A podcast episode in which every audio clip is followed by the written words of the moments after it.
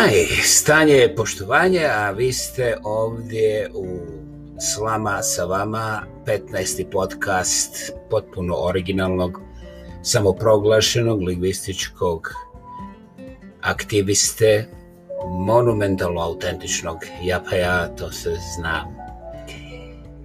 Stigli smo do broja 15, ne znam kako, ali ja sam primijetio nekoliko stvari Naime, da kvaliteta mikrofon nije prednost. Milija razloga, ne zanima vas ni jedan, posebno ako se ne bavite snimanjem. Primijetio sam, recimo da je danas pala kiša 5. novembra u u mom dragom Hravogradu i jedna stvar je sasvim sigurna u mojih zadnjih 27, 20, šta je znam, x godina ovdje, bliže 30, e, u novembru kiša nije padala niti jednom. Ako neko pronađe da jest, pošaljite mi te vaše dokaze, pa ću ja to ovdje lijepo objaviti. I ovaj, zašto sam ovako, što bi rekli englesi, defensive?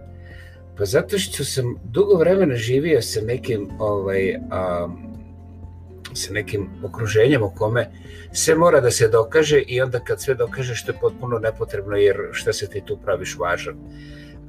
To je meni ukralo jedan veliki dio života i onda kada vas nerviram sa ponavljanjem tih činjenica, ja zapravo izražavam svoju najiskreniju, onako neobrađenu, spontanu, sirovu, surovu čak ali istinsku ljubav i to u molitvi za život.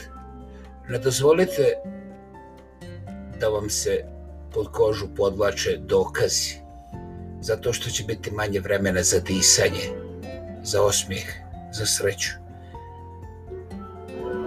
U ovoj 15. epizodi ja želim da se osvrnem na nekoliko nevjerovatnih stvari.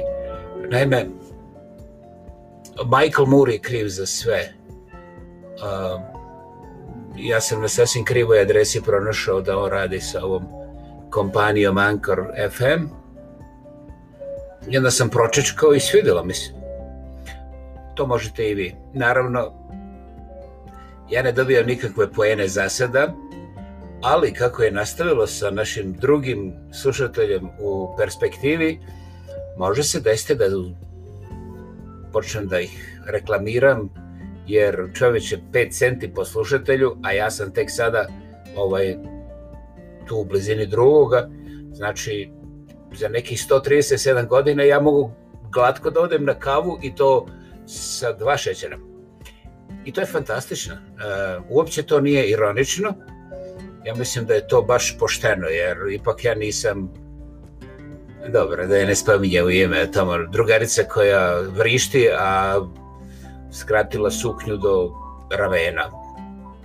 Mislim, kalibri su ipak kalibri. I to je dobro. Ova kompanija kod koje ja radim, ovaj podcast koji slušate, ima nekoliko za mene nevjerojatne stvari. Naime, otkrivam kako se geografski širimo i ta dinamika mi je draga. Volim kad neko u Singapuru sluša cijelih četiri minuta čovječe, to je 240 sekundi, to je 700 riječi sluša šta ja govorim neko u Singapuru. Mislim, ono, čak i da je slučajno, za mene je impresivno, jer recimo, ja u zadnjih 60 godina nijednog Singapurca nisam slušao ni 5 sekundi. Dobro, ako sam slučajno u prolazu naletio, mislim, to se valjda ne broji.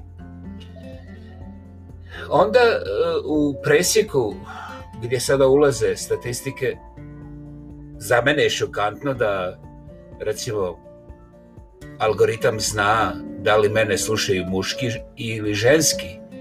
I ja vam neću reći ovaj, koji podatak je tu za mene baš onako lijep ali provjeravam koliko je to pouzdano i ispostavlja se da je ono baš pouzdano dakle znam da li me slušaju više muški ili ženski i onda pratim svoje teme, tonalitete, izražaje, načine i pomaže mi, pomaže mi da se kurva, volim se kurvati, ono, ovaj, e, ne čekaju me polsteri, nemam nikakvih izbora u budućnosti, tako da mogu da se igram, mogu da budem, e, to jest, doista, ja sam djetinjast i to je fantastično kada imaš ono 100 godina na ramenu, ono, me si praktički spušteno tamo nekakav krematorijum i, i treba da ispariš ono na prvom vjetru, a možeš još da se djetinjariš po internetu. Za mene je to radost. I da, vrlo rado ću biti dosadan i ljubav.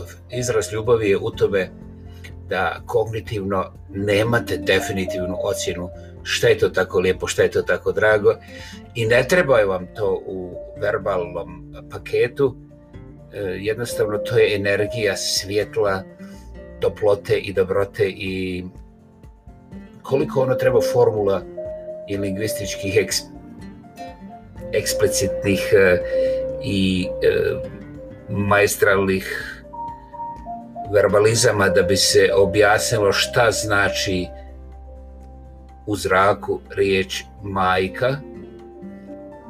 Mislim, već sam napravio problem sa objašnjavanjem. Dakle, to nikome zdravove ne treba objašnjavati. još jedna stvar koja mi je posebno draga je da znam koliko ljudi slušaju. Naime, ako je epizoda, podcast, traje, uzimo 10 minuta, ja onda mogu da vidim precizno koliko je prosječna slušanost. Da li ljudi odustaju nakon prvih 30 sekundi ili se vrate, pa čak neke dijelove poslušaju i drugi put.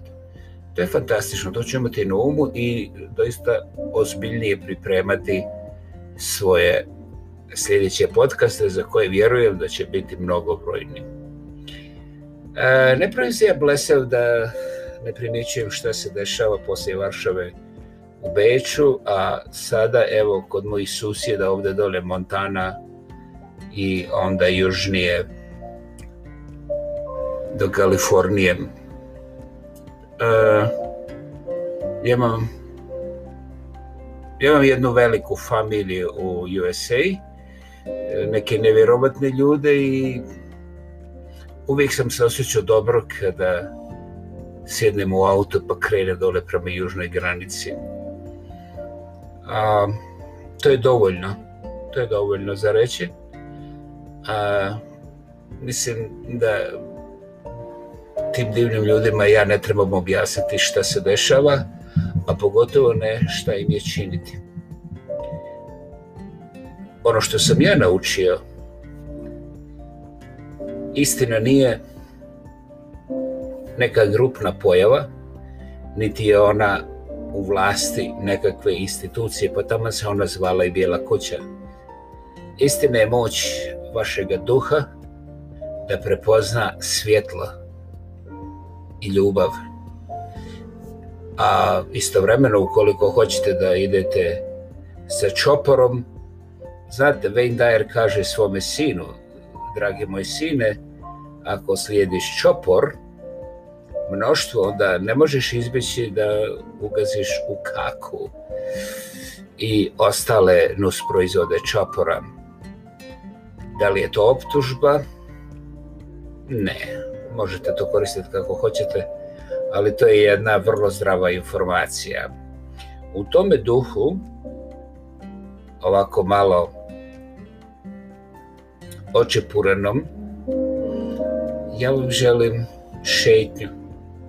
Ove rane novembarske dane, prepoznajte kišu u svome kraju i za Boga miloga, nemojte racionalizirati, budite spontani, budite djetinjasti i ne dajte da to niko primijeti jer koliko ja znam naš svijet odmah će vam zalijepiti nekakve mm, etikete za koje ovaj, iz iskustva znam da nisu baš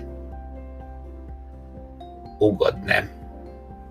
Mene više ne znači ništa, ali eto upozoravam i ispod stinovitih planina ja, pa Vladimir Kreća, sa podcasta Slama sa vama, svim srcem, svim mojim mislima i najboljom energijom pozdravljam, imate moj naklon, imate moju podršku i uskoro se čujemo ponovo. 挂了。